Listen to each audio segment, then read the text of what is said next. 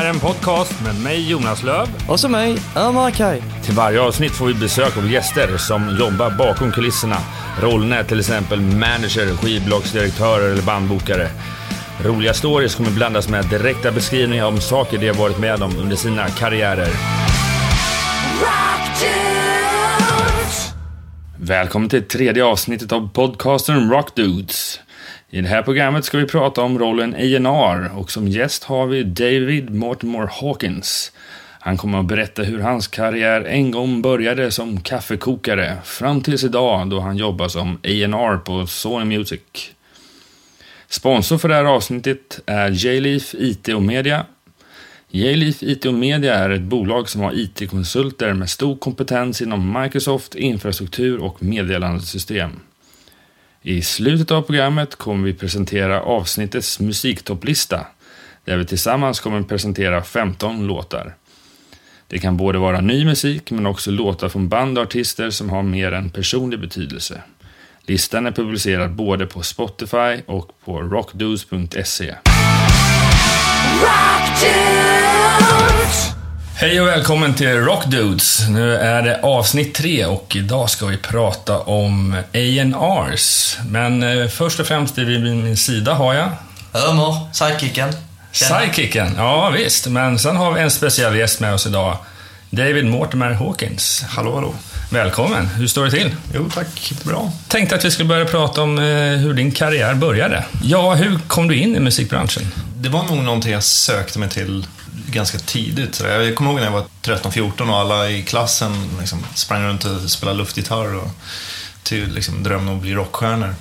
Och jag var alltid mer intresserad av de här sakerna runt omkring. Jag var alltid, när jag läste intervjuer med Iron Maiden så var det alltid mer intressant att läsa om Rod Smallwood och managementet och hur skivbolaget hade jobbat och sådana grejer fascinerade mig. Medan alla andra försökte se ut som Steve Harris på scen. Och ingen av mina klasskompisar såg bra ut som Steve Harris på scenen. Um, så att det var någonting jag redan tidigt hade någon så här, något intresse i, eller någonting jag tyckte var spännande med. Att man, man fattar att det finns ett maskineri bakom artisteriet.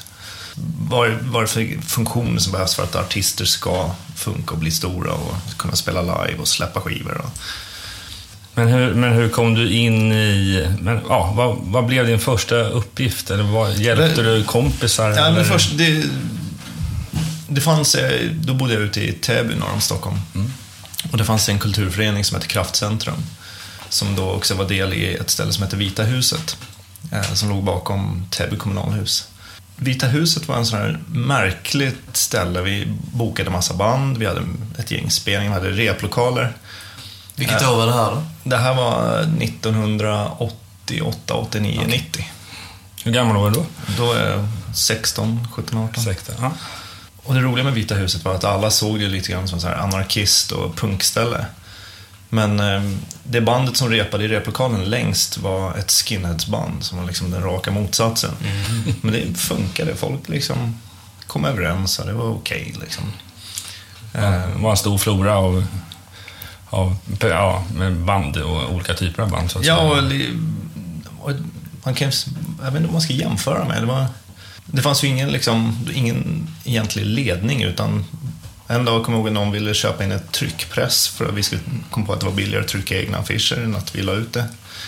Så skaffade en kille fram en kontakt som skulle sälja en begagnad tryckpress och sen var vi typ 20 man som hjälptes åt att bära dit en tryckpress och så lärde vi oss att trycka affischer. Ehm, vi lärde oss att köra PA-ljud själva. Började boka band från stora bokningsbolag. Eh, Och allt det här gjorde vi på något sätt. Man fick lära sig av sina misstag och liksom huvudsaken var att man gjorde någonting. Att, inte att man var tvungen att först sätta sig in i hur allting funkade utan man tog käftsmällarna som de kom när man gjorde fel. Och, ehm, vissa, vissa gånger hade man skitsura artister, andra gånger var de jätteglada och det vart jättelyckat. Men man lärde sig för varje gång det blev fel. Minns du någon sån här, någon större tabbe som ni gjorde då? Eller någon tabbe som var rolig? Eller? Ja, vi hade ju, jag tror vi bokade de absolut första Stockholmsspelningarna med The. Ja, okej. Eh, Oj. som hade börjat hända. Rätt, de hade varit ute i Europa och spelat och så kom de tillbaka till Sverige och skulle spela hos oss. Och vi tyckte att vi kan ju spara in lite pengar här på... Bandet kan ju bo på övervåningen, för det fanns ju ett rum där man kunde ställa upp lite spelsängar. Det lär ju inte hända idag kanske. Nej, det lär, lär ju inte hända då heller. De, eh, de, eh, de, du vet, kommer det punkband från liksom, någon grannby så var det kanon. Liksom. De flesta tyckte det var skitkul att bara komma ut och spela. Men så man gjorde de här lite större bokningarna så vart det ju, vilket man i efterhand förstår, solklart när de kom dit och bara nah, där vill vi nog inte bo. Vi skulle gärna bo på ett hotell. Men är det så stor skillnad, det är ju givetvis när det gäller popband och punkband, då, de bryr sig inte lika mycket som punkband. Ja. Eh, jag vet inte om man skulle säga att det är genre mässigt. Jag tror även Ja. större punkband när de har turnerat ett tag och kommit upp in, nog gärna hellre bor lite vettigare än liksom arrangörens golv. Hur löste ni med övervåningen då? Eh, de fick, vi, vi lyckades skrapa fram Lite pengar? till eh, hotellnatt. Ja, men till saken hörde också att vi, då hade vi ju någon kille som skulle fixa ordning lite enkelt käk åt dem. Men han var ju magsjuk så att vi hade ju inga, ingen mat och ingenting. Men vi var ju glada ändå. Vi tyckte det var skitkul att Wannadice kom och spela. och de gjorde ett helt fantastiskt gig också. Häftigt. Ja, professionalism kan man väl säga på det i alla fall. Även Ja. om det inte till mötes gick allt som stod på riden. Till saken är att jag har ju träffat Per ett antal gånger i jobbet sedan dess. Men jag har fortfarande inte vågat berätta för honom att jag var inblandad i just den där episoden. Rattar du ljudet också då? Får vi se om man lyssnar på den här podcasten då. Ja, precis. Om du gör det Per, jag är ledsen. Förlåt. Det var inte meningen. Eh, ja, men Nej, jag, jag, jag rattade inte ljud på den. De hade med sig egen ljudteknik. För sen började jag jobba på ett ställe som heter Musikhuset Runan ute i Täby kyrkby. Och det här var ju precis i den vevan, när, alltså 90-91, när hela Stockholms dödsscen drog igång. Och Runan var ju ett av de ställen som... Det fanns ju den, tre, fyra ställen som alla de här banden åkte spela på. Ehm, så vi hade ju ja, Tiamat, Entombed, Grave, Dismember. Hela, Alla- hela Stockholmseliten i princip. Ja, och var de inte där och spelade så de där och hängde på, kollade på andra spelningar. Så. Tänk att komma tillbaka dit och se det. Jag kom ju in väldigt sent i hårdrocksmatchen så jag missade hela den där 90-tals begynnelse och dödsmetall klassikerbanden. Nej, lite avundsjuk är jag faktiskt. Det. Ja. det, det var ju kul också med, det var en kille som hette Olis, Olstveten som fortfarande jobbar där. Han och en kille som hette Nicky, Ekstrand då, som spelar trummor i Tiamat. Eh, framförallt de två, så jag eh, lite på efterkälken då, men de bokade dit en massa roliga band. Och bland annat så bokade de eh, Pungent Stench. Det var Eh, länge sedan. Det var länge sedan och då ska man ju komma ihåg att det här är kommunal verksamhet. Dessutom i Täby, Fredrik Reinfeldts hemkommun. Och, ehm, där alternativ konst är väl kanske inte det som står högst på agendan. Och att det då affischerades hejvilt till Täby med eh, Pungent Stench-affischer när en nunna ligger och juckar med ett krucifix på ett väldigt Vä- grafiskt och målande. Musikhuset Runan Täby. Det var så en stor Täby fritid-långa på det där. Jag hoppas verkligen att du sparade posten i sig, den affischen. Nej, jag, jag har nog ingen sån, men det finns, tror jag. Bildbevis någonstans. Ja, absolut. precis. Om du fortsätter i karriären därifrån. Och Täby kommun på den tiden hade ju en, ett system som gjorde att om du var anställd, så för att slippa hålla på med såna här jobbiga grejer som eh, att folk tar hand om sina anställda och sådana så sa man upp folk då, tre månader i taget, så man var ju alltid bara korttidsanställd. Och det fanns samtidigt då praktikplatser som man kunde få eh, hjälp med att vara ja, praktikant på ställen. Eh, staten betalar din lön då i sex månader för att du skulle få in en fot på arbetsmarknaden. Så jag ringde och pratade med förlaget om Nicke Björlund på Sweden Music. Och sa, men du, om jag jobbar gratis här, kan inte jag komma in här och så jobba med dig? Ehm, och då sa han, ja om du, om du kokar kaffe och kopierar kassetter kan du få göra det. Mhm. De enkla arbetssysslorna i början. Ja, alltså, jag, han ställde höga krav på kaffet. Han gjorde det, ja. Ja. Bättre kaffe än det här misstänker jag. Ja. Ja, ja, jag blev en jävel på att koka kaffe. Men, ehm, så, och, och då fick jag det och så då gick jag till, nästa gång jag fick min, att jag blev uppsagd då från Täby kommun, så gick jag till Arbetsförmedlingen och sa, ja, jag har blivit uppsagd. Så jag vill ha en praktikplats här på musikförlaget. Och då sa kvinnan på Arbetsförmedlingen, ja fast du måste varit ar- arbetslös i ett halvår. Varpå jag lite elakt satte den mot väggen och sa att, men antingen så kan jag sitta arbetslös ett halvår, då kommer jag bara hänga på kvarterskrogen ner och kröka ett halvår och gå ner mig. Eller så kan du bara dra ett streck där och se till att få en praktikplats och få ut med arbetslivet direkt. Vilket är bäst för dig. Och då såg hon lite besvärad ut och så drog hon ett streck och så fick jag börja. Och jag tror att de blev mest förvånade på TV Fritid att jag... För jag tror de bara förväntade sig att alla skulle stå med mössan i hand och vänta på att man fick... Ja, ah, det blev återanställd, vad kul. Men eh, så kom jag tillbaka och bara, ah, nej, ni sa upp mig så att jag har... Jag har bättre sysslor här borta. Jag har gjort, gjort något annat. Ja. Hur Visste, länge? visste du någonting om förlagen då, från när du väl började? Hur det funkade eller? Väldigt, väldigt lite. Du fick lära dig längs vägen helt enkelt? Ja, samma grej där egentligen. Det var bara att slänga sig in och försöka lära sig. Learning by doing. Mm. Precis, men hur länge höll kaffekokandet på? Det var ett halvår som var eh, Praktikplatsen. Som var praktikplatsen. Sen fick jag förlängt ett halvår. Så blev det ett helt år på förlaget då. Som jag var assistent åt Niklas och den kreativa avdelningen. Och, men då fick jag gå runt och jobba med i princip alla avdelningar. Så jag hade ett år där så jag verkligen gav mig fan på att lära mig så mycket som möjligt av. Hur gammal var du då? Eh, det här var 93, så då var jag 22. Men ja, under det här eh, halvåret som du då var assistent, Mm. vad drog du för, vilka var de stora slutsatserna och lärdomarna? Vad? Var det det här du ville jobba med eller? Ja, absolut. Ehm, då fanns det... Sweden Music hängde ihop, då, det var ju Stickan Anderssons förlag som hade blivit uppköpt av en eh, stor multinationell firma som hette Polygram. Eh, så vi satt ihop med Polygram där ute i Mariehäll eh, utanför Sundbyberg.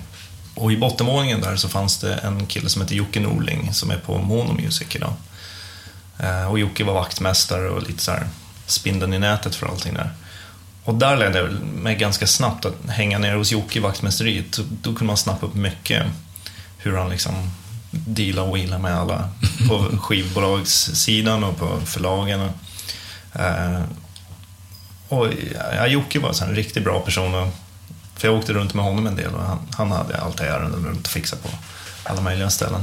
Så genom honom så träffar man otroligt mycket folk som man annars kanske inte hade sprungit på. Mm, Och sen som förläggare så jobbar du gentemot dels andra förlag, men framförallt andra skivbolag. Eh, Så jag lärde mig ganska snabbt skillnaden på hur olika typer av skivbolag jobbade med sina artister. Eh, Framförallt skillnaden på att jobba med upphovsmän gentemot artister. Eh, Det är väl kanske den stora grejen som man inte förstår riktigt in, om man inte jobbar i musikbranschen. Att skillnaden just på att jobba med upphovsmän och jobba med artister. Kan du beskriva det på något sätt? Ja, alltså upphovsmännen är ju, det är ju låtskrivarna. Idag är det mycket tydligare för att idag, om det är någonting Sverige är kända för, så är det våra upphovsmän. Eh, Om man tittar på Max Martin och eh, Schuster och Shellback. eh, Alla de här, liksom, det vi har blivit världsberömda för är våra låtskrivare framförallt. Och det är upphovsmän och det är förlagen som ansvarar för att jobba med dem. Precis. Man kan säga att det är själva ryggraden i allt musikbranschen handlar om är ju förlags och låtskrivandet och förlagsverksamheten.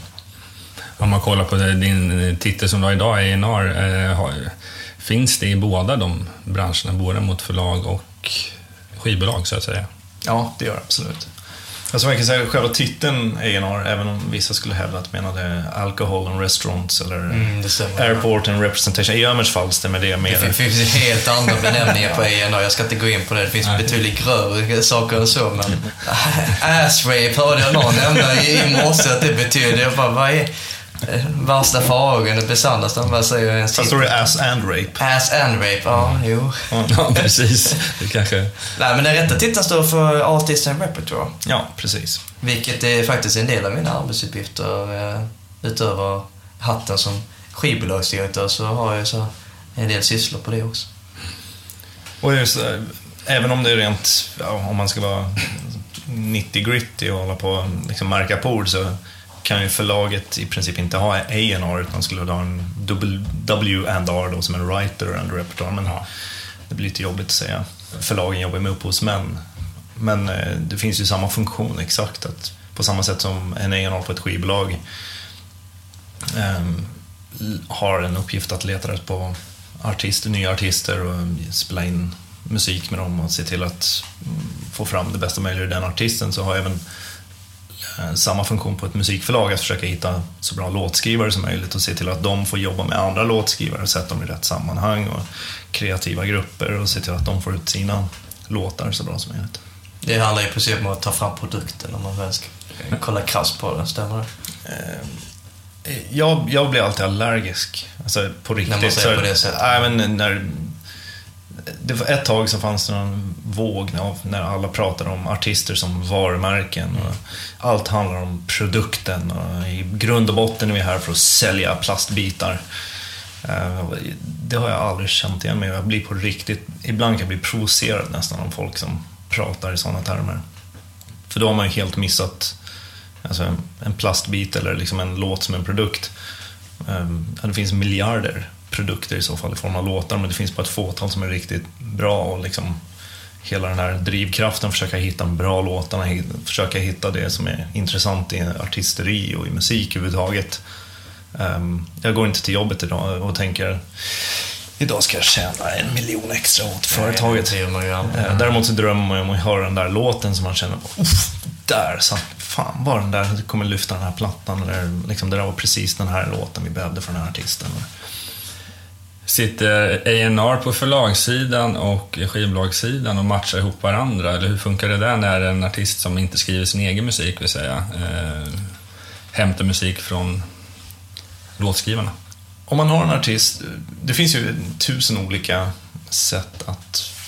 Liksom, jag skulle säga för nästan varje artist du tittar på som kanske inte har skrivit låtar själv då, så finns det olika tillvägagångssätt för varje artist hur den, den artisten har fått till sin, sin grej och sina låtar. Så, Men antingen så är det förlaget som har haft låtskrivare som har hittat en sångare eller sångerska eh, eller ett band, någonting som varit så här, ah, men här hjälper vi till att skriva låtar till och bygger upp. Um, och sen när man har ett antal låtar, sen presenterar för ett skivbolag för att ta vidare. Eller så är det ett skivbolag som har kommit med en sångare eller en artist som, eh, där man har kört fast. Man kanske behöver antingen ta befintliga låtar och kanske jobba lite till med dem. Man känner att de är inte hela vägen i mål. Vi kanske behöver tänka om helt, hitta helt andra typer av låtar. Man kanske behöver eh, Många gånger kan artisten själv vara så här, men jag, jag vill göra något helt annat än det jag gjort tidigare, men skriva med andra typer av människor. Då pratar man ofta med både låtskrivare och förlag och diskuterar lite och lyssnar på Eh, låtar. Och man, ibland har man en ganska färdig idé om det här vill vi göra. Många gånger tycker jag, folk vill gärna i efterhand säga, ja, vi hade en idé om att göra si och så och si och så. Eh, ska man vara krass tycker jag de flesta gånger som blivit riktigt, riktigt bra är när man kommit i en situation där låtskrivaren och artisten har klickat och gjort något helt annat än det de tänkt från början. När det, bara, det uppstår någon slags liksom, odefinierbar liksom, ja, magi. Någonting som händer när ett plus ett inte blir två utan tre och en halv. Och det kan du aldrig styra i förväg. Du kan aldrig beställa det. Du kan inte beställa magi. Utan det är liksom, händer det så händer det, händer det inte så Men du sitter ganska mycket i studion också där med artisten i skapandeprocessen misstänker jag. Både och. Jag älskar ju att hänga ner i studion och sitta och lyssna och så men samtidigt så är jag är ju inte producent, låtskrivare eller artist. Men du är ljudtekniker i grund botten. ljud, ja, precis. Det ska du verkligen ha 600 hertz på virveln där. Jag vet fan alltså. Ehm, nej, det, ja, det är någon slags... Jag försöker ha någon slags balans i... Ha någon slags finger med i så man... Liksom saker och ting går åt det håll man vill. Men samtidigt att låta en låtskrivare, en artist och producent göra det de är, det de är där för att göra. Men du handlar mer om att du blir mer som en coach någonstans, eller vad ska man Ja, jämföra med? Ja, det skulle man kunna säga. Eh, Ja, men vi- vissa gånger, och det är också det är så olika från artist till artist. Det är olika från liksom gång till gång man kan vara i studion med samma artist. Vissa dagar handlar det bara om att komma ner och ta en kopp kaffe och liksom Ah, vad det låter bra. Vad det där du skickade igår, grymt vad bra det låter. Det kan ju ibland räcka för att folk ska få en sån här, fan bra vi är. Cool, nu kör vi. Man undrar ju alltid, det är, det är en rätt stor myt bakom just det där med att all, antingen börjar man som städare eller så börjar man som kaffekokare. Det måste ju vara någonting man lär sig eh, i just denna syssla. Ja, men jag tror att det i kaffekokandet så ingår ju på något sätt att man...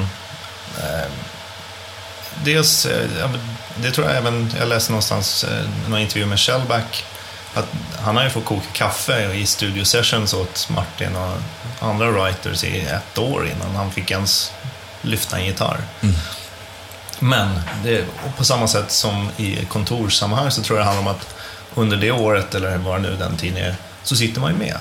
Man lyssnar, man snappar upp, man hör hur folk pratar och resonerar. Um, Ja, det är inte man, man, man, man lär sig, tror jag, en del sociala spelregler som är svårt att sätta på papper. Ja, men, om man tittar i England till exempel, så i studiosammanhang så har du alltid haft en, den som är lägst i skalan är ju då en T-boy. Och det är den som sitter längst bak i kontrollrummet och liksom Behöver ni en kopp te? Behöver ni någonting? Ska putsa biljardbollarna i pausrummet? Eh, och man kan garva åt det och tycka, vad fan vilket jävla sunkigt jobb att ha det där. Men å andra sidan, det liksom, för att komma in och lära sig studiebranschen så är det, liksom, det är ett perfekt sätt att liksom, då får du in en fot. Du ser hur liksom, teknikerns roll gentemot artisten är. Du lär dig olika sätt eh, producenten jobbar med artister. Du lär dig hantera olika, olika typer av artister. Alltså, jag skulle säga att de är nästan obetalbara, de där sätten att komma in. Att få grepp om hur saker och ting funkar. För det, det finns ju inga skolor i världen som kan lära dig sätta på papper att när den här typen av person är i rummet så agerar lite så. Eller om du ska producera den här artisten ska du agera med hand, liksom peka med hela handen. Det finns ju en hel del utbildningar men när, vi, eller när jag började och när David började så fanns det ingen skola för liksom det här yrket. Eh, man var tvungen att lära sig allting från grunden och praktik var ett av sätt att komma in och lära sig snabbt i sex månader som David sa. Ja, men för att se hela processen från kaffeskapandet till hur förlagsbranschen funkar eller hur skivbolag för den då A&R-funktionen. Så att, ehm, det är mycket så här att ha någon som lär från grunden och sen därefter applicera det eh, i sitt yrke. Men finns det utbildningar idag till... Alltså A&R kan jag tänka mig är lite svårt kanske att göra en utbildning på, men... Eh, Ja, jag sitter ju själv i ledningsgruppen för en utbildning Okej. eh, nere i Nyköping. Och, eh, och de är ju eh, väldigt, väldigt branschinriktade. Så man får lära sig väldigt mycket just i, eh, i väg av juridik och hur man sätter ihop ja, spelningar. Du kan lära dig rätt mycket om marknadsföring, mycket entreprenörskap. Så otroligt bra utbildning som man önskar hade funnits. Vad heter den utbildningen? Den heter YH, musik och event. Är det den som har varit i samarbete med nere i Rock City Hultsfred? Nej, eller? det är en annan. Det är en annan. Utan det här är en YH-utbildning då, yrkeshögskolan i Nyköping. Jag tror jag har stött på i via min tidning Rockbladet så har jag stött på mycket folk som jobbar ute. Framförallt med PR-bitar och sådana här saker som jag tror kommer från den här utbildningen. Det verkar ju vara helt klart en jäkligt bra utbildning. Nej, men den, den har också stor fokus. För när, när vi pratade, när, när jag första gången blev tillfrågad om att komma upp och dels föreläsa och, eh, en kille som heter Lasse Salin som frågade om jag ville engagera mig mer då, sitta i ledningsgruppen. Ehm, då var jag lite skeptisk först för just det här att jag, jag tror inte man bara kan utbilda sig till utan det, måste, det finns den här praktiska, det finns den här hands on-aspekten som jag tror man måste ha. Ehm, men där tyckte jag Lasse och de hade satt, fått till en otroligt bra balans med just väldigt, väldigt mycket praktik, väldigt mycket skarpa case. Då man, ehm, det, i, I utbildningen så ingår mycket av saker som är liksom, alltså projekt som inte är påhittade eller liksom övningsexempel utan ehm, jag vet, rätt många från den utbildningen var ute och, och gjorde Ladies Night. Man hittade många av dem på Melodifestivalen när de ute och turnerade med, på skivbolag. Och, som, som verkligen är, har skarpa, liksom. det går åt helvete för det här projektet om inte den här studenten faktiskt gör det den ska. Nej, precis. Det- så alltså, det, det kände jag när man tittar på den utbildningen, att det där hade jag velat ha när jag var, när jag var yngre, för just för att man får den här lite bredare, liksom, dels som praktiska men också en bra kunskap i botten. Jag tror initialt så var ju folk skeptiska för att vi är en bransch som är uppbyggd på att man ska ha kokat sitt kaffe och putsat dörrknoppar. Och, precis. Har du inte med ko- kaffekokaren på CVt så Ja, kommer du inte vidare. Ja, det är det första du tittar på. Koka kaffe? Nej, det var inte på det. Nej, då. Nej. Kasta Ehm, bort. Men i takt med under åren som har gått så har ju dels det har kommit mycket praktikanter ut. eh, Både från Hultsfred och från Nyköping. Ehm, Det, så det kommit många praktikanter, många som har fått jobb, många som blivit väldigt, väldigt bra. Många som har liksom kommit upp i sådana ställningar att det är de som faktiskt plockar in. Ja, så att jag tror i takt med, det där vänds ju inte på en dag, men vi jobbar ju helt klart mer och mer mot en större acceptans och en förståelse för att det finns utbildningar, det finns folk som har en väldigt bra eh, grundtänk och samtidigt bra öron, bra på att eh, jobba med musik, jobba med artister, PR eller allt vad det När jag jobbade på Stockholm Records så hade vi ju, ja, chefen där, Ola Håkansson, som jag fortfarande idag tycker är den, den största A&R-man som Sverige haft.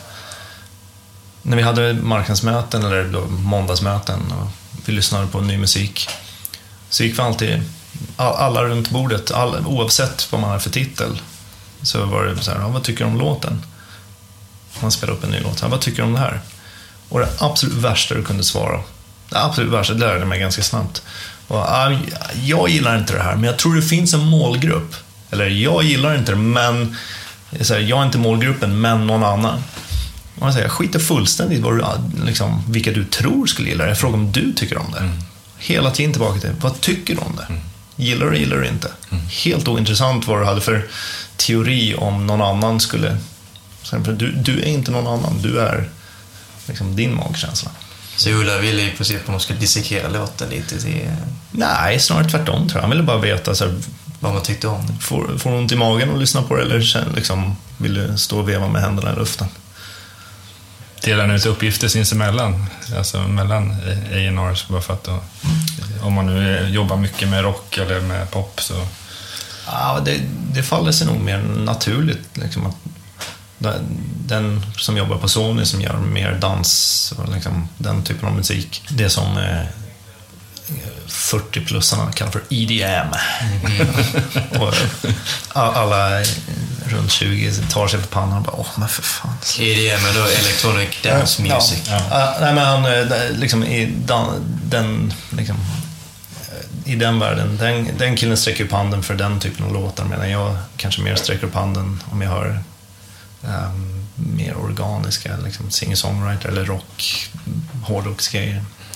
Så att det, det finns ju, tror man, man följer sin musiksmak. Man, man, hör, man, man känner när man hör någonting som, fan det här tycker jag var riktigt bra. Om vi går in på själva A&R-jobbet i sig. Vilket var det första band som du ja, signade eller upptäckte? Eller vad man ska säga, upptäckt? Eh, det absolut första jag signade um, var en kille som hette Nils Eriksson och då var jag på förlaget. Niklas Björlund, han fick barn. Så han var pappaledig i några veckor. Eh, du passade på det? ja, då, då passade jag faktiskt på. Så Niklas ringde in då varje dag och kollade hur allting hade gått. Och då nämnde jag en bisats här. jo förresten, jag har lovat att signa en kille. Men eh, som tur var så tyckte Niklas och Ingmar Bergman då som var chef på förlaget tyckte också om mm, Nils grejer. Så vi plockade in hos låtskrivare och sen så gick jag ner och presenterade för Patrik Sventelius som var på Sonett då. Och hade precis sagt upp sig och skulle börja på Sony. Eh, och då så sa Patrik, ja men får jag, är det okej okay om jag återkommer om någon vecka när jag är på, på, hunnit sätta mig in på Sony ordentligt? Eh, då signade han in Nils till Sony och gjorde två skivor där. Om man tar mer inom eh, rocksvängen, mm. eh, vilket var det första bandet du... Ett band som jag jobbade väldigt mycket med på förlagssidan var ett band som heter Mazarin Street. Som gav ut eh, två plattor där och sen vart de signade till Virgin och gav ut en tredje platta. Men eh, jag signade ett band från Umeå som heter The Facer. Som jag även då plockade med mig till skivsidan när jag när du bytte? när jag började jobba på Stockholm Records. Eh, signade ett hårdrocksband till förlaget som sen V2 signade dem för världen som hette Psycore. Och sen när jag började på Stockholm Records så signade hade, fanns det en kille som hette Sten Hårdbåge som hade en studio mm. i, uppe på Kungsholmen. Och han jobbade en del med Fred Esby och gamla Dismember-grejerna. Och, och vi gjorde förlaget åt Hårdbåges egna lilla bolag. Och han spelade upp en grej en dag för mig och sa Du, eh, lyssna se vad du tror om det här. Jag sa, det är ingenting för mitt bolag, men det är riktigt bra. Och så spelade upp Suicide Machine med Pain. Uh, och jag blev helt såld. Ringde Peter. Så kom Peter ner och dels började vi jobba ihop och dels blev vi goda vänner, vilket vi fortfarande är idag. Mm. I, eh, I Pains fall så fick ju ett otroligt genomslag. Det fanns ju det här SVT, något videoprogram. Voxpop hette det, tack. Ehm, det var kaffekokande kylskåpet där som var Precis. Voxpost var ett program på SVT där man kunde rösta in eh, topp 10. Man Ja. ringde in. Precis. Eh, Och framförallt rockakterna fick, om man hade en bra video och liksom, Gott om utrymme. så fick de liksom gott om utrymme. Och- Och det var ju liksom innan Bandits tid, det här var innan all liksom, alltså rock var helt unheard of på mainstream media. Väldigt mycket underground fortfarande på den tiden.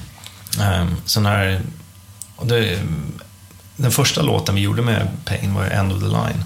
En kille som heter Mika Delica gjorde en video som vart bannlyst och förbjuden och, ehm, på MTV och så. Men Voxpop kunde visa en lite snällare version av den där.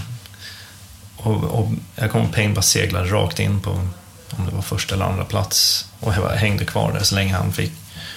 Och det genomslaget var ju från, alltså, från att ha varit en dalmas som lirar Hypocrisy och, som ingen brydde sig om. Så jag, jag kunde inte gå ner för gatan med Peter i Stockholm utan att han blev stoppad och Så autografer och liksom, och det gick på en vecka någonting. Och Peter själv visste inte vad han skulle tro. Han var helt, "Va? Vad är det här? Eh, och sen gjorde vi Suicide Machine som funkade lika bra. När det, när det gäller själva signingarna, är det mycket upp till slumpen när du väl signar? Du har varit i studio och någon som tipsar om det eller går det fortfarande ganska mycket demos som du får in? Det är den gamla klassiska demohögen. Och det var en hög med demos. Bokstavligt. Får du lika mycket demos nu som, som då? Nej. Ja. Knappt någonting Nej, idag är det ingen som skickar fysiska demos längre. Då hade ni ju förut en massa travar med, från posten på Ja, påsar med demos. exakt, Så. ja. Lyssnade ni på allting? Ja, jag försökte lyssna på allt. Men då var det också, för att svara på en demo, så var man ju tvungen att då antingen skriva för hand. Och alla som har sett mig skriva för hand, liksom, de vill inte uppleva det än. Så jag skrev ut någonting och då var man tvungen att printa det på ett papper, stoppa i ett kuvert och skriva ut adressen på kuvertet och skicka. Vilket var tidskrävande och jobbigt och som gjorde man liksom... Sa du till och med på de som du inte var intresserade? Eller? Ja, men till, det, ja, I början när jag var, liksom, tänkte att alla ska få svar. Så ehm, tog en vecka, sen Ja, tröttnade du. ja men li- alltså det blev tyvärr så, för att det är också så, eh, om man lyssnar igenom ändå en, på den tiden, en demohög, då, men sen man lyssnade, vi, vi satt ju någon kväll i månaden kanske och gick igenom det som hade kommit in. Och säg att du lyssnar på 200 demos och det var en eller två som var värda att skicka en sån här, kan du inte skicka lite mer? Och 198 som man kände så här, "Nej, det här är inte intressant. Och sitta och skriva ut 198 sådana här kuvert, tack men nej tack. En utmaning. Jo, jag gjorde det ett par gånger, men sen kände man... Så här, äh, jag tror vi la upp en grej sen när vi fick vår första hemsida. Så här, om ni inte har hört av oss så är det tyvärr så betyder det nej tack. Med 200 demos en hel, du, du lyssnar man inte igenom hela demos utan det är väl verkligen Nej. första låten där. Eh, är det en hit eller är det inte? Eller gör det här någonting för mig? Då går man ju snabbt vidare. Ja, när man väl kommer till 199 demon då kanske man är lite så här trött redan som det. Mm. Men, eh, ja. Hur stor del av din arbetsvecka ägnar du åt att lyssna på demos? Ja, men då, då var det ju, alltså, för då var man ju tvungen att dra fram den där säcken. Liksom slå postsäcken med kassetter och de som var riktigt liksom, långt framme då, de hade ju kunnat bränna egna CDs. Så gammal är jag. um, nej, men man drog ju fram den där säcken och så satte man sig och liksom lyssnade och stoppade i och plockade ut den. Ehm, och i, idag sen nästan alla mejlar ju. Mm. Och då kommer det ju inte liksom en hög med 200 mejl med demos, utan det kommer ju några om dagen. Och då kan man lyssna ganska snabbt och bara trycka ett reply på mejlet. här. Standard så. Tack, men nej tack. Nej, jag, jag, jag försöker faktiskt variera mig. Eh, har, har folk engagerat sig så pass mycket att de har orkat spela in och liksom skrivit låtar och jobbat med dem. Om man märker att folk har lagt ner tid och själ och hjärta så det minsta man kan göra är faktiskt att ge dem ett, liksom fem minuter och skriva. Även om man inte lyssnar på alla 32 låtar de skickar. Fördelen är att de flesta skickar bara en låt. Eller om det är Soundcloud, att man kan lyssna några 30 sekunder på några, några låtar. För man hör, det räcker ju ganska långt för att man ska höra, är, finns något intressant där? Eller uttrycket, någonting i låten? Är det något som är kul? Eller tillräckligt mycket för att jag ska vilja lyssna igen? Och det, det räcker med att det ska finnas någonting för att man ska vilja lyssna igen, för man kan skicka tillbaka och säga, men berätta mer, eller vilka är ni, vad har ni gjort? Eller om man inte hittar någonting alls där, så är det skicka och säga tack, men eh, jag har lyssnat igenom det här och det här och det är inte, jag går inte igång på de och de låtarna eller si och så. Eller så kanske man eh, av någon annan anledning kan man inte säga något just därför att man har tillräckligt mycket. Kan man tipsa vidare till ett annat bolag. Jag vet att jag har fått lite tips av dig David som jag i sin tur eh, varit intresserad över. Eh, som, som man hjälper andra. Så finns det någon... Det händer. Mm. Men händer det ofta att du får en, eh, ett bands eh, låt eller en skiva och sen så du blir väldigt nyfiken på att lyssna dem live och att du, du har kollat in att nästa vecka spelar de på den här klubben. Så snickar du in helt oannonserat bara för att du får mer information eller hör man gärna av sig till bandet och säger det om du är så pass intressant så att du vill höra dem live eller hur? Ja, det brukar jag. Alltså om jag får, en, får någon skickad någonting, så att, men, då brukar man ju, om det är intressant, om det är ett band så brukar det vara nästa naturliga steg. Eh, för att få en känsla av vad är det för band och hur ser de ut och vad är det för uttryck och ja, alla de sakerna. Så nästa steg blir oftast att se någonting live. Ehm, så att, jag- och det brukar jag försöka se. Försöka komma förbi. Eller. Mm. Då går du en hel del på spelningar då? Ja. Än idag? Ja, jag försöker gå så mycket jag kan. Sen är ju, eh, jag ska säga för några år sedan, då gick jag mycket mer, om det fanns någonting jag trodde kanske skulle vara kul att se så kunde jag bara springa ut och kolla. Idag är man ju lite mer så att jag, jag det måste finnas någonting som jag är intresserad av, någonting som jag vill kolla ordentligt, kolla in ordentligt. Då går jag ut och kollar på det. Nu har vi eh, pratat rätt mycket om A&R-rollen och hur allting började och sånt där. Jag tänkte sticka in, du har, du har ju inte bara musik på din eh, agenda. Eh, du håller även på med förknippade saker till musik, som öl och, och, och hur kom du in, eller när började du med det? Efter ett antal år på att springa på gig så blir man ju väldigt bra på att hänga i baren. ja, det var ju så. Hårda livet. Nej, ölgrejen är väl egentligen en liten bisyssla som jag och eh, en kille som heter Anders Fridén, Ifrån In Flames. ja, Inflames Anders och jag startade. Och var en sån där, ungefär som de flesta eh, som går ut och tar några öl och bildar band. Och hittar på, ja men jag skulle ha ett band som hette så och så, ja, artwork och allting. Fast vi kom på istället att vi skulle starta ett ölföretag. Eh, med den stora skillnaden att vi faktiskt gjorde det efteråt. Ja, precis. Det brukar ju bara vara fyllesvammel det där annars. nej, vi ringde varandra dagen efter och så här, men fan var inte det en rätt bra idé på riktigt? Men hade ni någon form av kompetens där? Alltså starta band kan man ju lära sig, men här känns det lite en utmaning. Att dricka öl kan man också Dricka lära sig. öl, ja, jo. Eh, nej, nej, men eh, om man ska vara lite seriös då så själva idén med Frequency då, som det heter vårt ölmärke, var, alltså, om man kollar inom whiskyvärlden så finns det ju något som kallas för oberoende buteljerare. Det vill säga ett företag som köper in fat från olika whiskydestillerier och så tappar de upp på flaska och så säljer de det under sitt eget namn.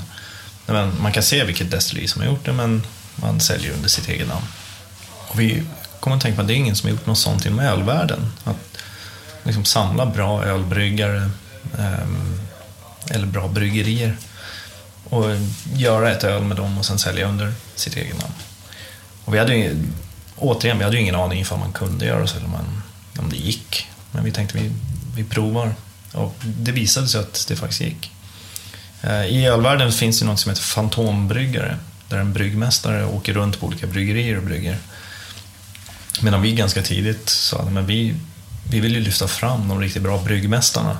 Ungefär som att vi blir ett skivbolag och bryggmästaren blir artisten. Eftersom vi, då, Anders har ju också ett eget skivbolag ihop med Rassia. Så att han har ju också en roll som skivbolagsdirektör. Vi tänkte om vi tar samma approach lite grann till inom ölvärlden. Så går vi till bryggare vi tycker om och kokar ihop öl och så säljer under eget namn. Frequency. Ja, precis. Var kommer namnet ifrån? Ja, från början så, under den kvällen så pratade vi om att man kunde beskriva öl utifrån, eller alltså smaker generellt utifrån så här, en mörk stout, den är väldigt basig och tung medan en ljus lager är väldigt diskantig. Och, så pratar vi om olika typer av mellanregister. Så från allra första början så hade vi en sån, det ska vara en high frequency lager eller en mid frequency IPA. Men vi insåg ju ganska snabbt att det blev svårt att hålla isär alla high, low, mid frequencies och lite extra punch i higher midden. Uh, ingen hängde ju med där. Det var någonting vi tyckte var skitkul och ingen annan fattade. Så. Frequency har en stark koppling till musiken i sig. Ja. Det blir, blir som en equalizer för mm. bärs. Ja, men det, det, var exakt så tanken var, men det, det blev också väldigt rörigt. när, man, när man gjort den första batchen, man skulle göra en liksom, omgång till, så började det bli man fyller på de där frekvensområdena rätt snabbt. Ja, det, är framför, ja, det är väl okej okay om man håller sig till high, mid och low, men sen har du ju ja. 0 till 20 000 hertz. Det blir... det är 20 000 olika öl du kan Ja, precis. Men Fridén kom du i kontakt med för att designa din Flames till Universal, stämmer Ja, lite innan faktiskt. Lite innan? Eh, jag ville ju signa In Flames Eh, ganska tidigt, eh, redan runt Reroute Remain, så upptäckte jag att på första gången som jag jag hade koll på Inflamesen innan, men det var första gången jag kände så här, oh fan vad bra det här är på riktigt. Liksom svinbra. Eh, och då spelade de på, om det var någon eh, Rockbjörn eller något, någon sån här. Och då satt jag och hängde i låsen och då var bandet där. Så vi då pratade vi lite grann och då började vi snacka. Redan då tyckte jag, fan sköna, sköna snubbar. Så vi höll kontakten bara. Och sen var det ett par, ett par olika tillfällen som de var uppe och förhandlade om avtal och så. Och då var vi med och pratade och vi lyckades aldrig nå fram riktigt till... För då var de signade till Nuclear Blast, tyskarna också? Ja, från början, ja, de hade ju Blast, men sen så signade de, det avtalet tog slut och så signade de om Blast efter, fast jag var där och försökte. Tufft. Ähm, ja, de hade en stenhård tysk som de jobbade med. Tysk manager? Ja. ja. Och vi, vi lyckades inte, helt enkelt. Vi fick inte ihop någonting då initialt. Eh, men Anders, framförallt Anders, jag hittade någon, liksom, märkte att vi hade dels roligt ihop och pratade samma språk. Och, eh, så jag följts åt lite till och från och sen till slut då, så vid ett, ett av de här tillfällena så vi hade en lång förhandling som både, när jag var på Universal, som både inkluderade oss och vårt tyska Universal och amerikanska Universal, så rann det ändå ut i sanden. Men då kom faktiskt Nuclear Blast upp och sa, men vi kan göra det här ihop i Skandinavien. Så det var deras förslag fastän man var inom den här sfären? Jag tror att bandet hade sagt Nuclear att de gärna skulle jobba med. Okej. Okay. Så att, eh, då signade vi in plattan för Skandinavien. Eh, och blev, jag tror, om jag inte har fel, så var det första guldskivan bandet fick då för, eh, från, från Sverige då för Sense of Purpose. Jag tror inte Nuclear Blast var ledsna över det. De var nog inte dugg ledsna. De var rätt glada över den här success storyn. ja, de var nog väldigt glada med förskottet också. Ja, jo, det kan jag tänka mig. Inga summor att nämna, men jag har för mig att det var en ganska stor summa. Så alla var glada och nöjda? Jag tror alla var glada och, och jag tror att även Universal glada och nöjda. Det var, det var bra för alla parter. Och idag är ju Inflames ett av de ja, jag vet inte om det största, men ett av de största, större hårdrocksbanden i Sverige kan man säga. Ja, det kan man definitivt säga. Men du har ju faktiskt lyckats signa Dead by April. Nu upptäckte Dead by April. De upptäckte jag inom loppet av en vecka från två olika håll. Två vitt skilda olika håll. Eh, det ena hållet var den här utbildningen som jag pratade om. Så Lasse Salin och eh, då folk som drev den utbildningen hade en idé om att vi skulle ha det som kallas för ett A&R-case där vi skulle försöka just få folk att förstå lite mer hur man resonerar runt ett A&R-möte där eh, då studenterna får leta rätt på något vis, försöka hålla det så verklighetstroget som möjligt. Eh, och presentera ungefär som man skulle suttit på ett A&R-möte på ett bolag. Men så här, jag tror att det här är första singeln, det här är där jag ser att de plattan skulle låta lite så här och kanske att de verkar i den här världen. Men jag skulle vilja kanske göra om den här singeln med den här producenten. Eh, och så ha en diskussion med artisten de har valt ut och liksom, i princip göra allting fram till eh, att man faktiskt skulle ha signat det om man hade ett bolag. Och när det, de, det brukar bli rätt roliga diskussioner. Jag har hört flera artister som har haft de här studenterna som, jag, som har kommit och sagt men de ställde bra frågor och det har varit så här, givande. Och så sitter man och har den här genomgången då på skolan och man spelar upp och så blir det en diskussion i klassen. Och, och vissa gånger så blir det jättebra. Folk har massa roliga frågor och inputs och liksom tankegångar. Och vissa gånger så blir det lite mer så här, ja, mm, ja bra. Det är ju också lite avhängigt till vilka människor som är med, vilka som är, hur drivna studenter är och allt sånt där.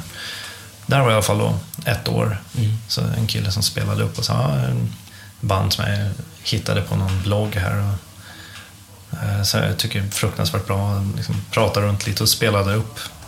Jag kommer inte ihåg exakt vilken låt det var, men ja, Dead by April. Och det var så uppenbart att alla, liksom, alla i rummet och jag bara så här, vad i fan var det där? Där hände det något. Eh, så vi satt och pratade rätt länge om det och jag, jag åkte därifrån och väldigt så här, det där var riktigt, riktigt bra. Eh, och sen några dagar senare så eh, hade jag ett möte med en musikförläggare som heter Jonny Tenander som var på EMI Publishing, idag på Sony, ATV. Men då var han på EMI och har ja, jag signat en ny grej, jag tror att du kanske skulle gilla den. Och så spelade jag upp det. Var och, och då var det bara så här, oh. Så jag åkte ner och träffade bandet eh, och träffade deras manager. Eh, och ja, Rest history. Ja, då signade vi in och satte upp. Och det roligaste av allt var att vi, när vi hade spelat in skivan så visade bandet hade ju skickat någon demo till Bandit. Som då var en, av naturliga skäl en av liksom huvudradiokanalerna för, liksom där man vill nå med ett sånt där band. Och hade då skickat den låt som vi såg som första singel. Så när vi kom upp på bandet och liksom, nu jäklar, här har ni. Ja, den här demon har vi spelat i någon månad. så vi fick liksom försöka... Lyxproblem med ja, Nej, tvärtom. Det var inte ett lyxproblem. För, band, för den initiala reaktionen var, ja men den här har vi ju redan spelat, varför ska vi spela den igen? Och så, ja, för vi ska ju köra ut hela, nu ska vi sätta igång allt. Då hade vi efter mycket liksom, jobb och många möten och så, där, så fick vi faktiskt bandet kliva på en gång till. Eh, och, och det var då låten kom in i sin andra andning. Och strax därefter fick vi även in eh, en trailer för Robinson på TV4. Mm, den här trailern, ja. Det minns jag. Eh, och först var jag lite, jag tror alla var lite sådär, inte skeptiska men lite sådär, hmm, det här kan ju bli lökigt. Mm. Eh, men så kom de upp, produktionsbolaget, och hade testklippt och visade. Uh, och vi, vi kollade på det, bandet kollade på det, management och alla kollade Och var, bara kom tillbaka och sa att det här är skitsnyggt gjort. Och liksom, det lyfter ju både låten och filmen. Så det, det, där kändes som det blev en liksom win-win. Att det, det faktiskt, allting lyftes av. Det funkade otroligt bra klippning till den låten. Eh, sen har du också upptäckt ett annat band, Truckfighters. Alltså säga att jag upptäckt, Eller upptäckt dem. De har släppt ett gäng plattor sen ja. innan, men du har ja. signat dem till, eh, ja. till Sony. Eh, jag blev, jag blev tipsad om Truckfighters från eh, en kille som heter Biffen i Göteborg. Alla som på något sätt har haft någonting med hårdrocksband att göra, eller rockband generellt, känner Biffen. Han är en problem solver. Han är liksom Wolf i Pulp Fiction fast i musikvärlden. Han löser problem. Han ordnar allt. Biffen har varit turnéledare åt Inflames och eh, framförallt, vad, vad är det mer? Han har jobbat ljudtekniker. Han har varit ljudtekniker, han har varit turné backline-människa. Han har varit alltså, allting. Han har varit allting på i princip varenda svenskt rockband som har åkt buss mellan två städer för att spela konsert så har Biffen varit med. Han har varit med i TV också, jag för mig. Ja, han var med i någon sån här dokusåpa tidigt. Ja. Alltså jag kom ju upptäckte det då. Men om vi, om vi bara tar det, där, det var där han blev upptäckt. Um, jag tror att första gången jag träffade på Biffen så var han med Lok. Uh, för länge, länge sedan. Ja. Men bara för att ge en liten bild av hur liksom, Biffens kapacitet. Så jag och uh, Anders och några andra var i Skottland på en resa. Vi reser runt på lite whiskydestillerier. Sen tog en lång helg. Uh, och åker långt ut på öarna sitter mitt ute i ingenstans och då bestämmer sig den här isländska vulkanen, som jag inte tänker försöka säga vad den hette. Ehm, den drog igång där Oj. och stängde ju ner all flygtrafik i hela Ja, Europa just det. Vi lyckades ta oss tillbaka till fastlandet då från öarna och kom till Edinburgh. Och, alltså, hela Europa fick ju panik och stängde ner. Det var ju på ett sätt som jag aldrig varit med om maken. Åkte ni tåg eller hur tog ni därifrån? Nej, vi, dit flög vi. Ja. Och sen när man skulle hem så var det så här, det fanns ju inga, liksom, flyg gick ju inte. Nej. Och så sitter vi på en ö då som Storbritannien ändå är. Eh, Och vi började kolla alla färjor, det fanns ju inga färjor. Vi hittade en båt som gick, som var någon slags fraktbåt som gick från Newcastle ner till Danmark. Det var det närmsta vi kunde komma. Men då gick priset upp från att åka med från typ 1500 spänn till att de skulle ha närmare 13 000 per Åh, person. herregud. Man bara, okej, shit. med, medmänskligheten är på topp här. Alltså. Hur ska vi tjäna pengar? Ja, men, på ett sätt som verkligen var så här, oj. Eh, och det var ner på en nivå, när vi kom till hotell, hotellet vi skulle bo på, så det, receptionen var full med vet, amerikaner och eh, europeer som alla bara stod och liksom, vi kommer inte därifrån och någon hade hört talas om att Ericsson har tydligen en buss där det finns två platser som man kan komma med på. Eh, och det finns inga platser på tåget under kanalen. Och, nej, det, var, det, var, det var ju sån kaos där. Och särskilt när man hade uppe i norra Storbritannien. I, I London var det nog, jag vet inte, kanske lättare att få någon slags bild. Men, men vi eh, satt uppe i norra Skottland där. Och ing, alltså, det var liksom inga, inga sätt funkade, ingenting. Ehm, och vi pratade med Sverige på massa olika sätt och liksom ingenting, fanns inget att göra. För allt var närstängt. Och de försökte skeppa ut alla svenskar. Det var bara att fortsätta och dricka god whisky. Ja, det var ett av alternativen. Tills Anders liksom tittade på oss och säger Vi ringer Biffen. Så vi ringer Biffen och Biffen säger ge mig tio minuter. Ringer tillbaka och säger Biffy Clyro har precis kommit tillbaka från turné. Deras chaffisar kan tänka sig att köra och de har via sitt bussbolag en plats på färjan under Dover till Calais. Men då måste ni vara klara om typ två timmar. Uh, Okej. Så vi packade ihop alla våra saker. Så, och med, med, framför alla, och då hade vi fått från hotellet att vi skulle få bo förlängt och allting. Eh, eftersom det var kaos. Och, och så mitt i det här kaoset bland alla, liksom, folk stod och skrek ner i receptionen och allting. Så går jag upp och så bara, jo förresten, vi, vi har lyckats fixa så vi kommer härifrån nu om två timmar. Och alla stod bara så här, åk, stick, dra när ni kan. eh, och sen glider de upp, och inte bara att vi kommer då därifrån, utan de kommer upp med en sån riktig lyxbuss som de har fixat. Och, eh, och så vi lastade på massa öl och whisky på den här. Och sen så åkte vi bara nonstop från, från Edinburgh ner till Dover, färjan, och så runt Europa upp till Stockholm. När vi kom upp till Stockholm slå, hoppade vi av. Chaffisarna tog en cigg på parkeringen vid centralstationen, hoppade in i bussen och körde tillbaka. Det är biffen. Hans nummer ska jag ha ifall om något sånt här händer framöver. Så eh, det, liksom, det finns inga superlativ i världen som riktigt ger biffen, gör honom rättvisa. Men han ringer en dag och säger, jag har någon polare som lirar ett band som jag lyssnar på hela helgen här. Det är så jävla bra, du måste kolla på det. Och då var det Truck Fighters. Eh, Så jag lyssnade lite och, och ringde tillbaka till Biffen och var så här, fan det här är ju riktigt, riktigt bra. Och så här, de har kört sitt eget bolag, Fusorama. Eh, Och, men jag, jag tror man kan göra något liksom, mer med det. Så jag var och kollade lite spelningar och träffade bandet några gånger. Eh, jag var, den, den första spelningen jag såg med dem var i Norrköping på en svartklubb nere i hamnen i Norrköping klockan två på morgonen. Det var ett gäng dyngraka punkare som, som äldst var 19 och jag. Och jag kände mig som farsa på stan som hade kört bil dit. Sett spelningen skulle köra hem igen. Eh, men någonstans i det där, så den här energin och liksom... Det, var, jag, jag, det kan ha varit för att alla andra runt omkring var så pass unga, men jag kände som f- när de var tonåring och gick på konsert, den här liksom spänningen och liksom... Åh, Mm, fan den känslan. Ehm, så, ja, men li- lite grann återupptäcka det är det här man älskar med musik. Eh, Oberäkneligheten och liksom, den totala utlevelsen på scenen, energin. Eh, och sen skriver de ju några fruktansvärt tunga låtar och det finns en del progressivt i det också. Eh, så vi kom överens om släpp, dels att vi distribuerade Fosramen, dels så att vi plockade in deras, den här Universe-plattan och släppte ordentligt. Som blev en helt, nu är jag part i målet om, men jag tycker det är en magiskt bra platta. Sen har du också utöver musik, öl, gett dig in på kokboksvärlden kan man säga lite grann, i köket. Du har släppt en fotbollskokbok med eh, några vänner till dig. Du får jättegärna utveckla vidare hur det kom till och vad bakgrunden är till det. Alltså, egentligen, he, hela den grejen kom av att jag under alla år i princip, när, samtidigt som jag har jobbat med musik så har jag alltid gillat att skriva. Och det var en kompis till mig som gav ut en kokbok som heter Whisky och mat.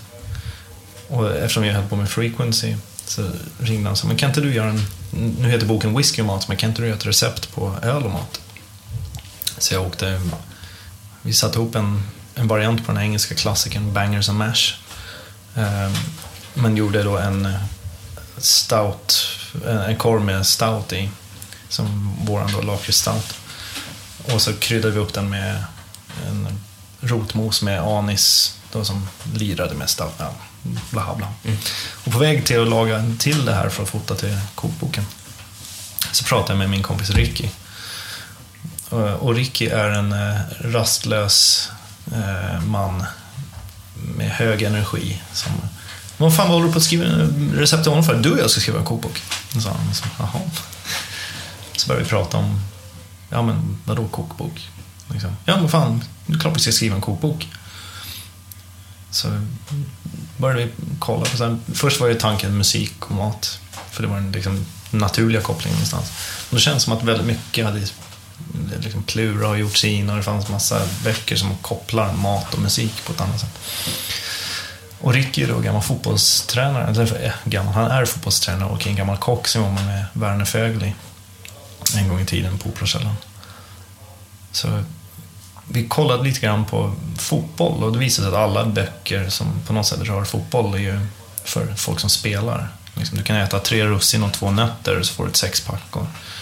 Men för alla som är intresserade av fotboll och kollar på fotboll så finns det ju ingen, liksom, ingenting som är kul. Så vi började skissa lite mer på tankegången och sen eh, träffade vi Sladjan Osmanagic som är, har varit tv-kommentator liksom, och är en han, har, han är Rain Man inom fotboll. Du kan säga vilken match du vill och han kan säga ja, det var ju 34 minuten han och han passade till den och den så vart det mål. Eh, så Sladjan klev ombord och sen så började vi tre då vässa ihop eh, liksom vilka matcher som skulle vara med och, och sen skrevs, liksom punkta ner och sen satt jag och skrev utifrån deras Tankar, historier och berättelser och sen Um, så de, de gjorde grovjobbet och jag liksom skrev mest ut. Och det, det roligaste av allt i det här är att man väl liksom once in a lifetime får till en bok så skrev de någonting som jag är fullständigt ointresserad av. så du var aldrig intresserad av fotboll själv personligen? Ja, jag har varit på några matcher och sådär. När man väl får plats är det skitkul, men liksom, mellan oss är Sladjan kan inte koka en potatis. Eh, Ricky är helnykterist och jag är helt ointresserad av fotboll. Men tillsammans, vi tre, alltså, någonstans mellan Sladjan och Ricky, de, de två som personligheter är ju också väldigt intensiva båda två. Och jag är mer en stoisk engelsman. Liksom, så. Jag har suttit och lyssnat på när de står och skriker åt varandra och försöker välja ut vilka matcher som ska vara med. Vad, vad är receptet kopplat till en fotbollsmatch också? Alltså? Uh, ja, specifik fotboll? Den heter ju 2 gånger 45 så 45 fotbollsmatcher. Uh, och sen, då har vi parat ihop med 45 maträtter. Med tillhörande drycker också? Ja, eller? precis. Mm. Så jag har valt ut framförallt öl, eftersom det är roligare. Beskriv lite av matchen. Är det framgång eller nederlag? Jag tänker så det, det är allt möjligt. Alltså, det är allt från Sverige-Italien, när Zlatan klackar in liksom, ledningsmålet och då har vi gjort en pasta som heter Djävulens klack.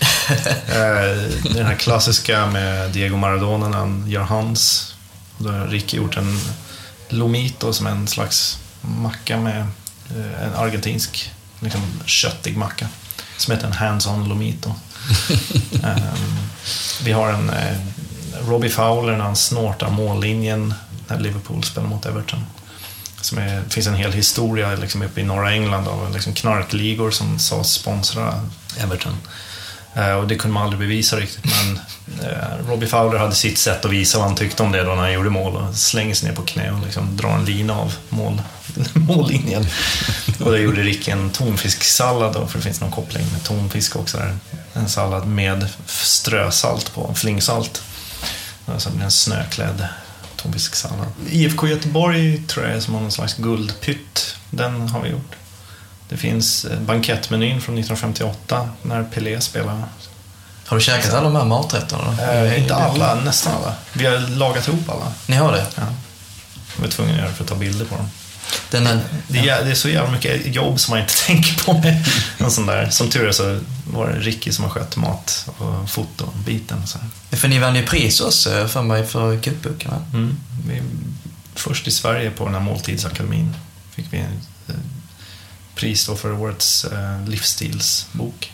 Och då blir man nominerad till, jag visste inte ens att det fanns, men det finns ett VM för kokböcker. Som eh, familjen Cointreau, de här fransmännen, har. Eh, och den går av stapeln i Peking. Eh, och vi vann juryns specialpris då som världens bästa kokbok. Gisses, vilken bedrift.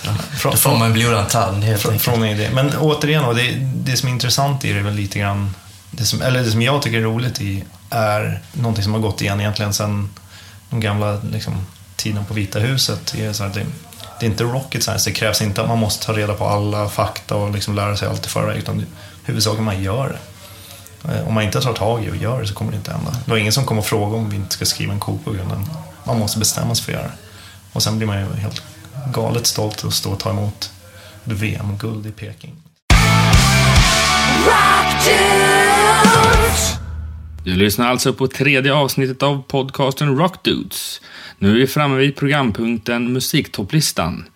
Listan finner du på rockdudes.se direkt efter programmet är publicerat. Nu är det dags att dra igång listan. Vi tar och inleder med David. Eh, Om vi börjar med din första låt. Ett band som heter Psycore, I Go Solo. Du pratade lite tidigare om den. Eh, Ja, precis. Det är ett band som jag hittade på när jag var musikförläggare. Eh, Och de eh, hade faktiskt, de skickade en platta som han, var alltså en demoskiva. Ehm, Och jag lyssnade på det och, och den stack ut direkt. Det var en sån där som, det krävdes bara några sekunder för att man skulle direkt höra, vänta, här händer det någonting. Mm. Eh, sångaren eh, Marcus Jan, eh, som mer liksom läste fram texten, var mer nästan spoken word, till någon så extremt svängigt, stenhårt, liksom hardcore komp. Eh, det var återigen en sån här, det här har man inte hört förut. Det här, jag har inte hört någonting som låter så här, påminner om det här. Så jag hörde av mig till dem och och sa, att här, de här låtarna låter ju hur bra som helst. Eh, och då skickar de en bild på sig själva när de står i kostym och är superuppklädda. Alltså, så här, ser ut som banktjänstemän allihopa. Förutom gitarristen Carlos som stod och hade liksom en liter blod över hela ansiktet över sin kostym. Eller om, jag tror det var Carlos, men och som hade skrivit, hans enda kommentar i mejlen, eller som han skickade tillbaka. Du har gjort ett klokt val, David.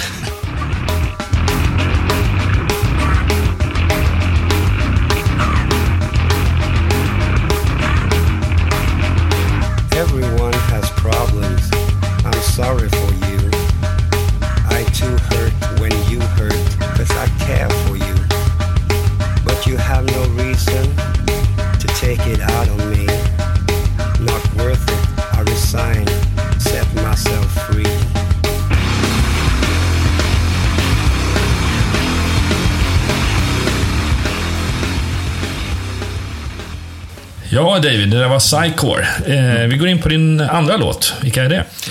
Om det är Pain, eh, vår dalmas i viken, Peter Täckgren.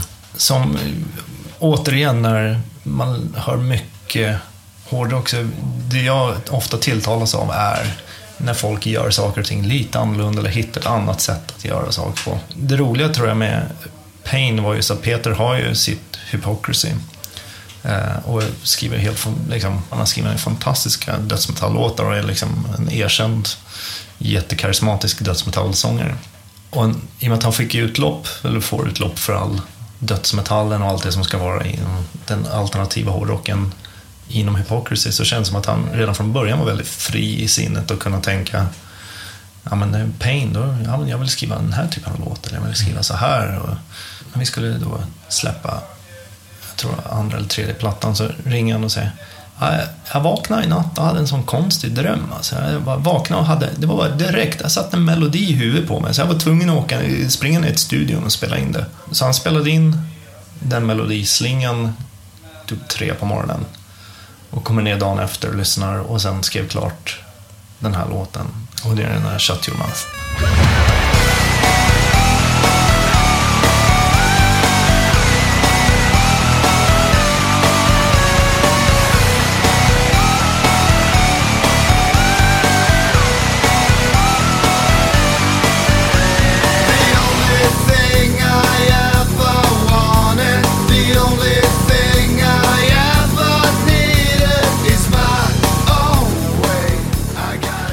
Vi, vi tänker i alla fall inte hålla käften, men eh, vi går vidare med låt tre.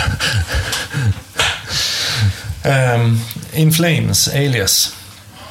Uh, det här är ju, om man, en av de vanligaste frågorna man får är ju, när man jobbar med ar biten är ju så här, man, kan man höra på en demo om saker är bra eller kan man höra, liksom, hur tidigt kan man höra om en låt är värd att ha eller inte. Och i den just Alias som är en av mina favoritlåtar med In Flames så var det som vi var i studion, en massa olika människor. De, de hade ju sin studio i Göteborg förut. Mm. Någon sån här dag när vi satt i studion och de hade börjat göra, eh, jobba på den plattan. Um, och då spelade de upp en tidig, tidig skiss på Alias. Uh, jag tror till och med det var innan Anders sånggås. Det det fanns bara en, ett riff. Och Anders sa ja, en sångmelodi som jag håller på att jobba på. Och det var den här Don't blame me. Jag ska inte förstöra er podd genom att försöka nynna den. Nej, det är ingen fara. Ehm, och redan där så kommer man höra det bara att Uff, här, det här, någonting här händer som är helt fantastiskt. Man har ingen aning, det kanske blir något helt annat än vad man hoppas och tror men det var någonting som bara kändes så här, oj, oj, oj, vad bra det här är. Ja, men då får vi ta och lyssna på eh, CD-versionen av låten Alias.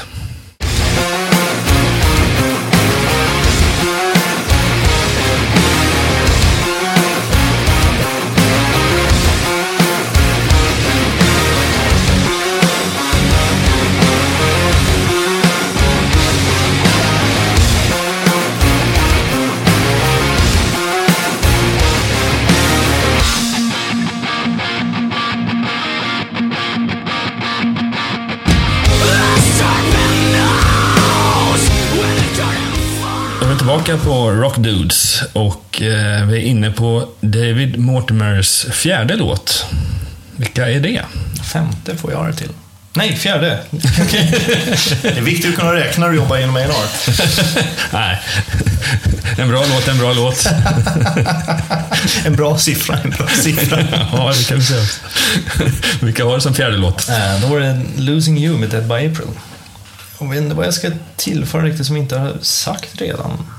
För att citera dig där, en bra låt. En bra låt. En bra låt. Eh, just hela tryck, kraften i Jimmys sång, i refrängen, eh, riffet och just kombination, produktionen, kombination av både liksom, de här storslagna melodierna och liksom, otroligt brutala riffen egentligen för verserna som är mycket hårdare än vad man skulle, i alla fall vid den tiden, vad, vad som fanns.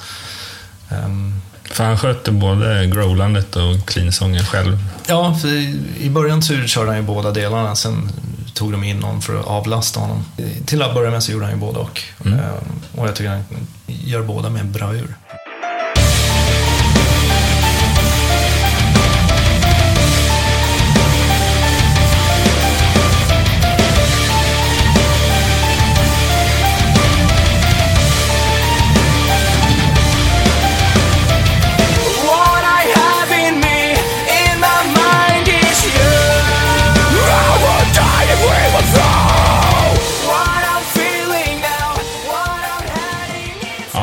dags för femte låten, David. Äntligen, nummer fem. Ja, din sista låt på listan.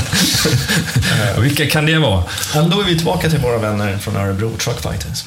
Och en låt som heter Mind Control. Eller hade du någonting om just Mind Control? Nej, inte mer än att jag tycker det här riffet är bland det bästa de har gjort. Och är en fantastisk låt.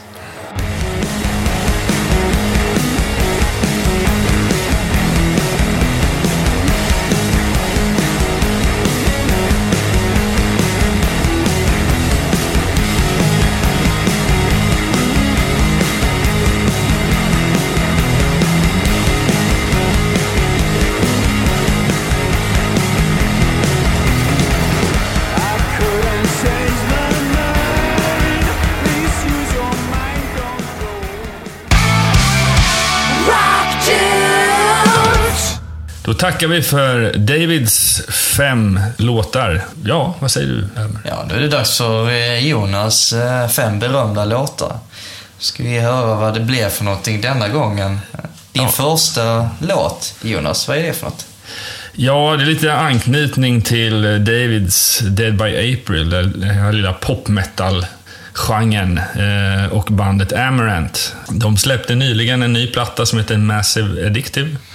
En skiva som de fortsätter i, ifrån ja, sitt utstakade spår de har haft med sina två föregående plattor. Den här har lite mer tyngd i sig och just den här låten Unreal, det är en, ja, lite mer av en käftsmäll.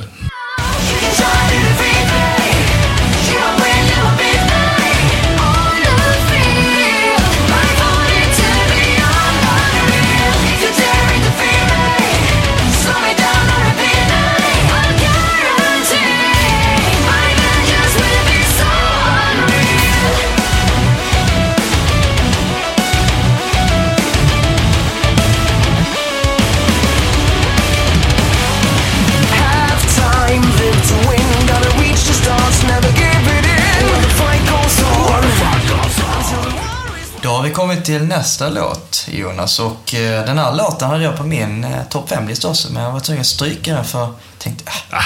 Jonas får den låten. Ja, det är väl roligt om vi kan få kivas någon gång också. Det trodde jag faktiskt tycker inte. vi har bra smak faktiskt. Det är inte ofta det händer, men när det väl händer är det så att det, nej, jag böjer mig för den äldre generationen. Precis, jag kan ju återkomma att det finns faktiskt en låt på din lista som jag eh, var lite sugen på också faktiskt. Så ja, vi, vi kivas lite fram och tillbaka. Ja, bra smak. Men vilken, vilket band var det nu? Jo, det var Machine Head och eh, deras låt Now We Die ifrån skivan Bloodstone and Diamonds.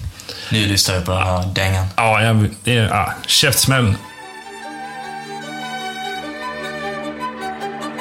with this now we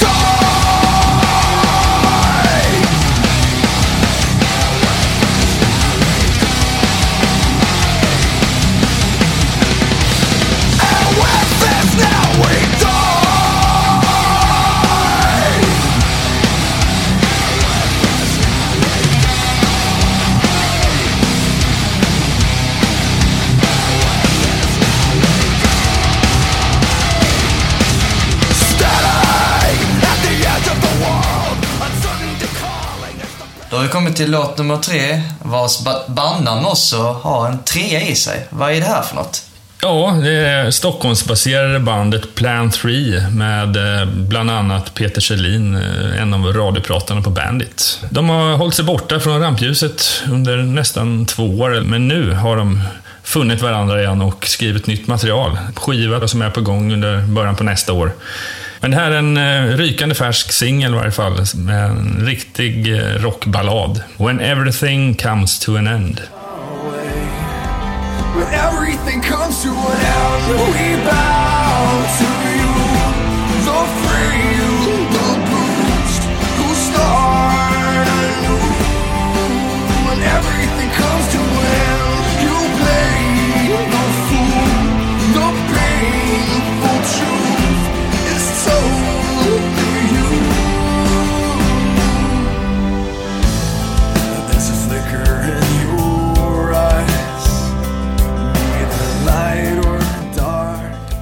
Då är det dags igen för den fjärde låten. Vad har du att bjuda på nu då, Jonas? Äh, nu tycker jag att vi ska ösa på. Nu behöver mer energi i den här listan. Det har varit lite så här, ja, tungt och hårt och sådär. Så jag tycker vi ska eh, blanda upp det här med eh, Arbogabandet Hawkins, eller The Hawkins, och deras låt King Cobra från skivan Part 2, The Puppet Show. Fingers snapped in time.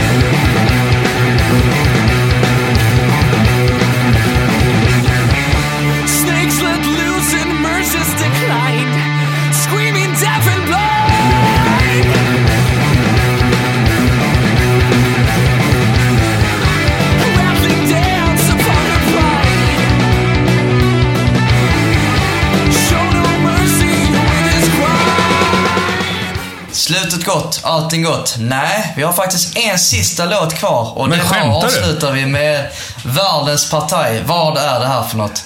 Ja, det är ju den här uh, gitarrlegenden Slash och hans uh, vapendragare Miles Kennedy. Jag har valt en låt som heter Bent to Fly som är från nya skivan World on Fire. Bent to Fly är väl lite mer av en lugn akustisk låt. Eh, de spelar den bland annat på programmet Skavlan här i fredags den 7 november.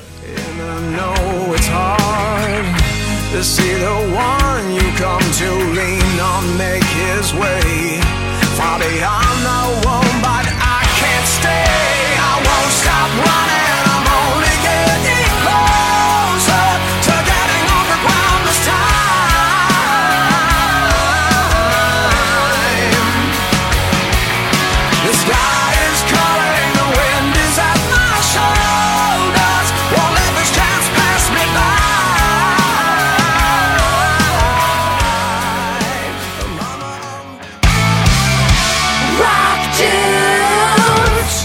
Ja, det var ju Jonas fem bästa lista, vill säga min egen. Eh, nu är det dags för Sidekicken Ömers berömda Five Top-lista. Den här listan har blivit väldigt schizofren inför denna veckan. Jag har blandat hejvilt. Alltså det går lite mönster på varje lista. Alltifrån dödsmetall Till tekniskt döds. till och- tekniskt döds och ja, nej men den här gången har jag ändrat om lite grann. Tagit från hela världen. Så den första låten är då en eh, satanisk black metal-låt från de mörkaste skogarna i Norge. Ett band som heter Take, vars eh, låt Det finns en prins kommer ifrån nya skivan Kulde. Vet inte vad Kulde betyder, men om det finns någon norsk person där ute får man jättegärna mejla mig och berätta vad Kulde eh, står för. Det kanske är en Kulle, och så, men hur som helst, jag vet att det finns en prins där ute.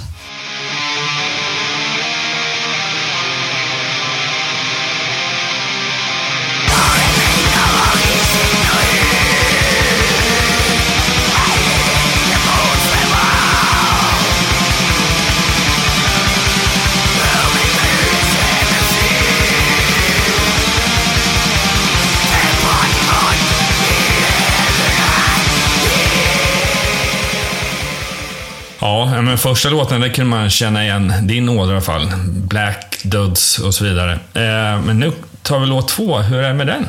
Eh, The Crown är tillbaka efter många år i det tysta och eh, ja, det, är- det är en blandning mellan eh, dödsmetall och mo- modern metal.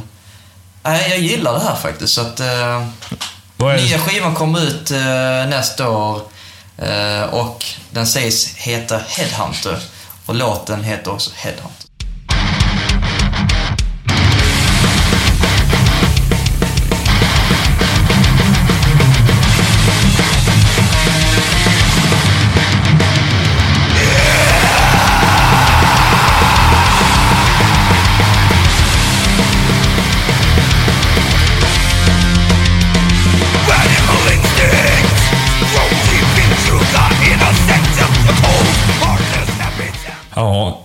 Black Ghost Döds.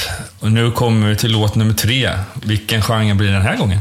Det här är vad jag skulle säga, ja, det är- det svårt att beskriva den här genren. Modern metal, väldigt amerikansk, med en tjej på sång som både behärskar skrik och, och rent. Eh, In this moment heter hon. Eh, Låten heter Big Bad Wolf. Vi lyssnar på den otäcka vargen helt enkelt. Even in these chains you can't stop me. Even in these chains you can't stop me. Even in these chains, you can't stop me. Even in these chains, you can't stop me.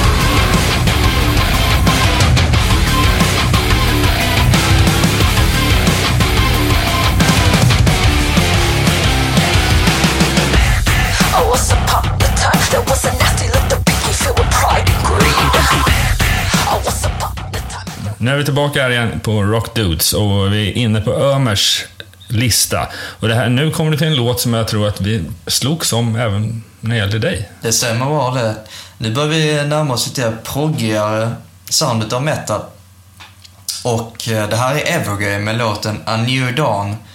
Eh, alltså det, det finns väldigt få band som gör eh, rättvisa när det gäller mm, prog metal, men ändå låter väldigt modernt. I princip nästan en radiovänlig musik.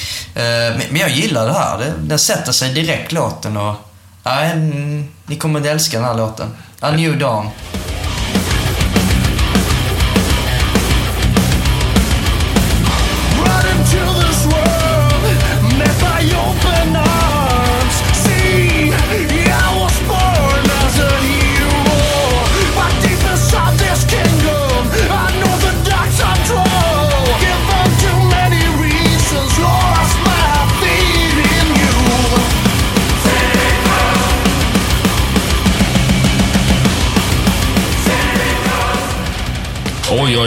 Vilket tryck det var i den där låten. Eh, nu är det ju bara en låt kvar på den här musiktopplistan för avsnitt tre på Rock Dudes. Jag har sparat det bästa till eh, slutet. Det är också lite progressivt. Um, ska Simmeter med låten Cryonic Harvest. Ehm, jag har en lite, lite rolig historia till det här bandet. Jag har varit inkorporerat. Eh, Kortfattat kan man säga att jag uh, upptäckte och signade det här bandet uh, på ett av mina bolag för många, många år tillbaka. Och sen uh, gick de vidare till större skivbolag där de är idag, Nuclear Blast. Men jag släppte deras första skiva, Symmetric in Design. Och jättestolt över bandets utveckling. Så uh, Cryonic Harvest, Nu köttar vi på. nu köttar vi på. Ja, kör.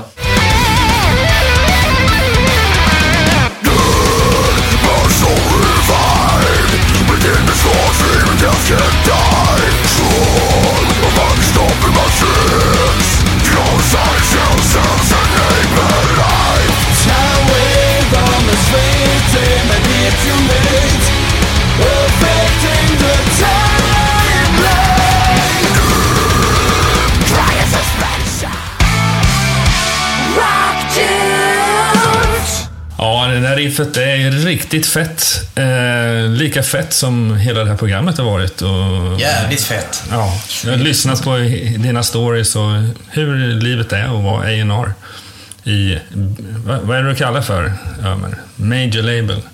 På, på, ja, på major label nivå. Jo, jag är en vanlig indie indie Du var- du business.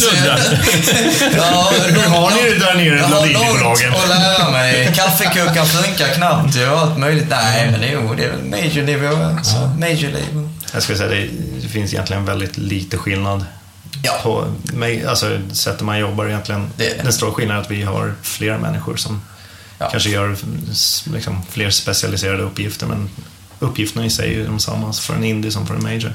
I slutändan är det- är det ändå en, angående att hitta den där låten liksom. Och, Ja, det är väl det gemensamma oavsett Ja. var man är i, ja, i hierarkin, om man får kalla det för det. Men eh, absolut, nej, det har varit jättelärorikt. Jag har lärt mig mycket nytt i den här världen. Ja, kul. Så får jag tacka så jättemycket. Ja, tack själva. Tack för att ni ville prata med mig. Ja, nu har du lyssnat på avsnitt tre av podcasten Rock Dudes. Musiktopplistan du hörde i slutet av programmet hittar du nu under vår profil Rockdudespodden på Spotify. Det har varit en fröjd att få höra hur gamla myter som kaffekokande verkligen stämmer.